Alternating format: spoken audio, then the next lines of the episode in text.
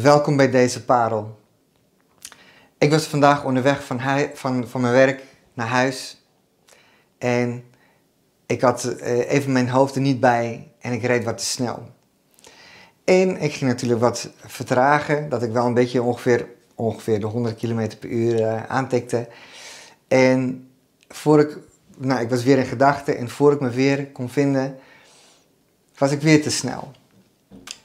En ik had net toevallig een artikel gelezen waarin stond dat hoe je je in het verkeer gedraagt en hoe je rijstijl is, dat is een reflectie van hoeveel haast of hoeveel rust er in je leven is.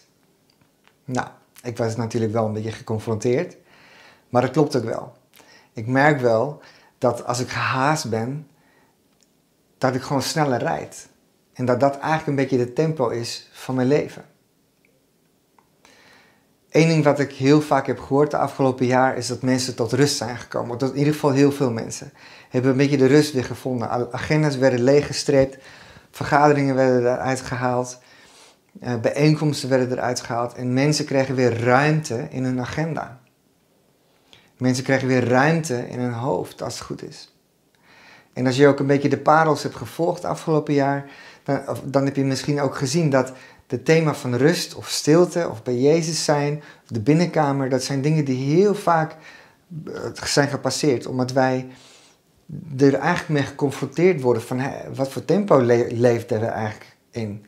En net zo ik in Fiona.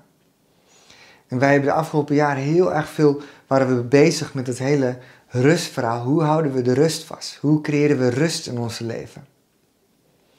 En ik denk, en ik hoop misschien, dat de rust, en dat deze afgelopen, afgelopen jaar, dat het ook een moment was waar wij op de Great Reset knop hebben gedrukt. Dat we weer de rust hebben gevonden. In ieder geval een proefje van hoe het zou zijn om vanuit rust te leven.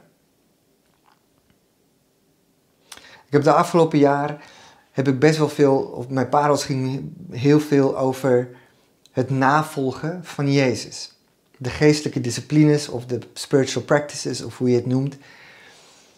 Maar het navolgen van Jezus als onze rabbi. Wij zijn stagiaires die leren van het leven van onze rabbi.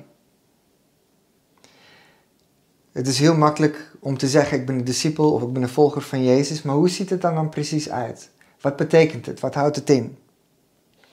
Nou, ik heb dus de afgelopen jaren er ook heel erg mee bezig geweest. Praktisch gezien, wat houdt het in om een volger van Jezus te zijn? En Jezus heeft heel veel dingen voorgeleefd, wat wij als stagiaires moeten afkijken van hoe heeft hij geleefd en dat mogen gaan naleven. Dan heb ik het over stilte, de binnenkamer. Ik heb het over silence and solitude, over alleen zijn. Ik heb het over ministry, hoe Jezus zijn bediening deed. Over uh, uh, uh, van alles en nog wat. Over over Bijbel lezen, over bidden. Al die geestelijke disciplines. En één geestelijke discipline wat wij zijn begonnen als gezin om toe te passen in onze levens, in onze huishouden, is de Sabbat vieren. De Sabbat is voor ons een manier geworden om uh, een soort landingsplek te zijn waar jij vanuit de drukte komt, de rust vindt, op kan laden en weer de aanloopbaan kan bestijgen en weer kan gaan vliegen de Sabbat, in ieder geval toen ik opgroeide, was best wel een bijna vloekwoord in de kerk. Want we, zijn, we leven toch een nieuw verbond en uh, het is toch allemaal niet meer nodig. Uh, maar wij zijn achtergekomen dat het woorden van Jezus is zo, zo de waarheid. Jezus zegt in Marcus 2, de Sabbat is er voor de mens en, de mens, uh, en niet de mens voor de Sabbat. En dus is de mensenzoon, Jezus, ook Heer en Meester over de Sabbat. De Sabbat is er voor ons. God schiep de aarde en hij rustte op de zevende dag.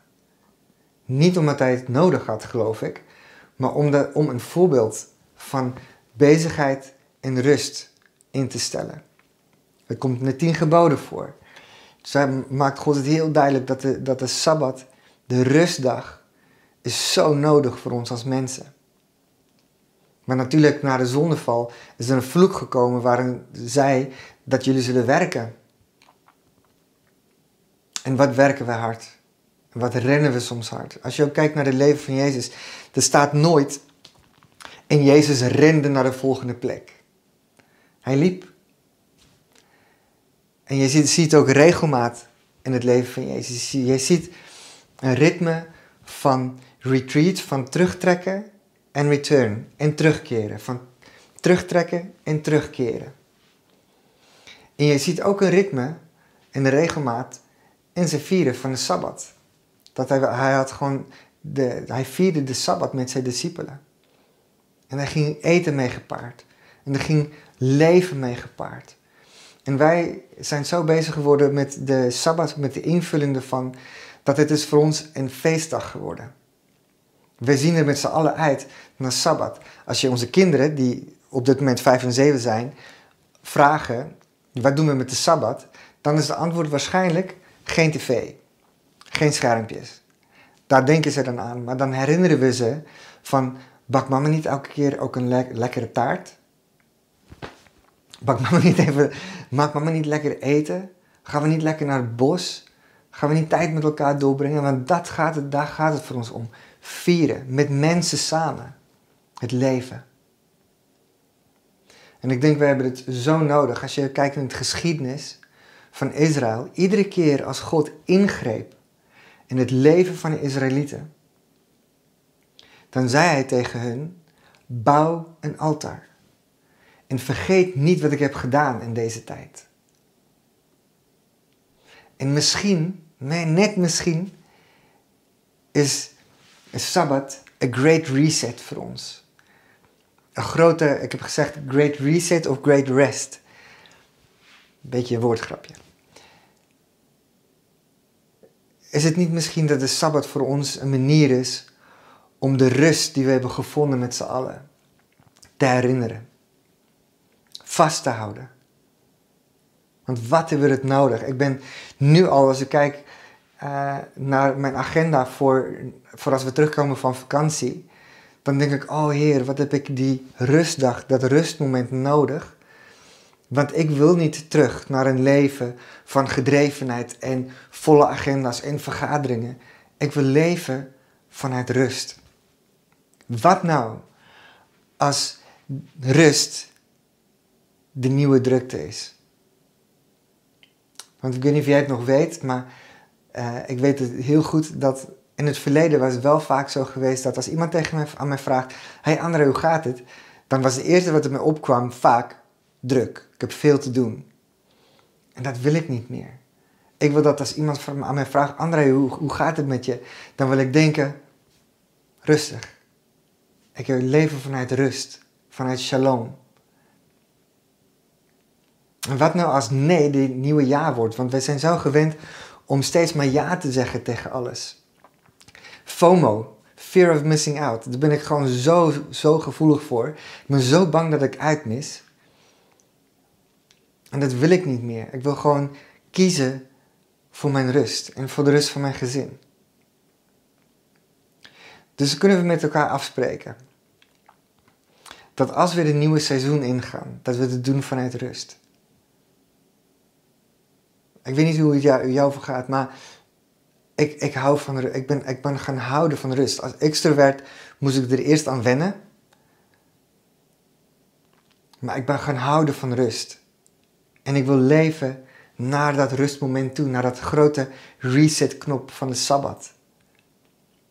En ik wil het zo inrichten in mijn leven dat mijn leven van mij en mijn gezin eromheen gefocust is op een rustig leven. Waar er ruimte is, dus ook voor andere mensen. Want door de drukte die we vaak met elkaar creëren, is er minder ruimte om af te spreken. Jij zag niet dat Jezus, weet jij zag nooit dat Jezus ergens naartoe rende. Hij had altijd rust, maar hij had ook altijd ruimte.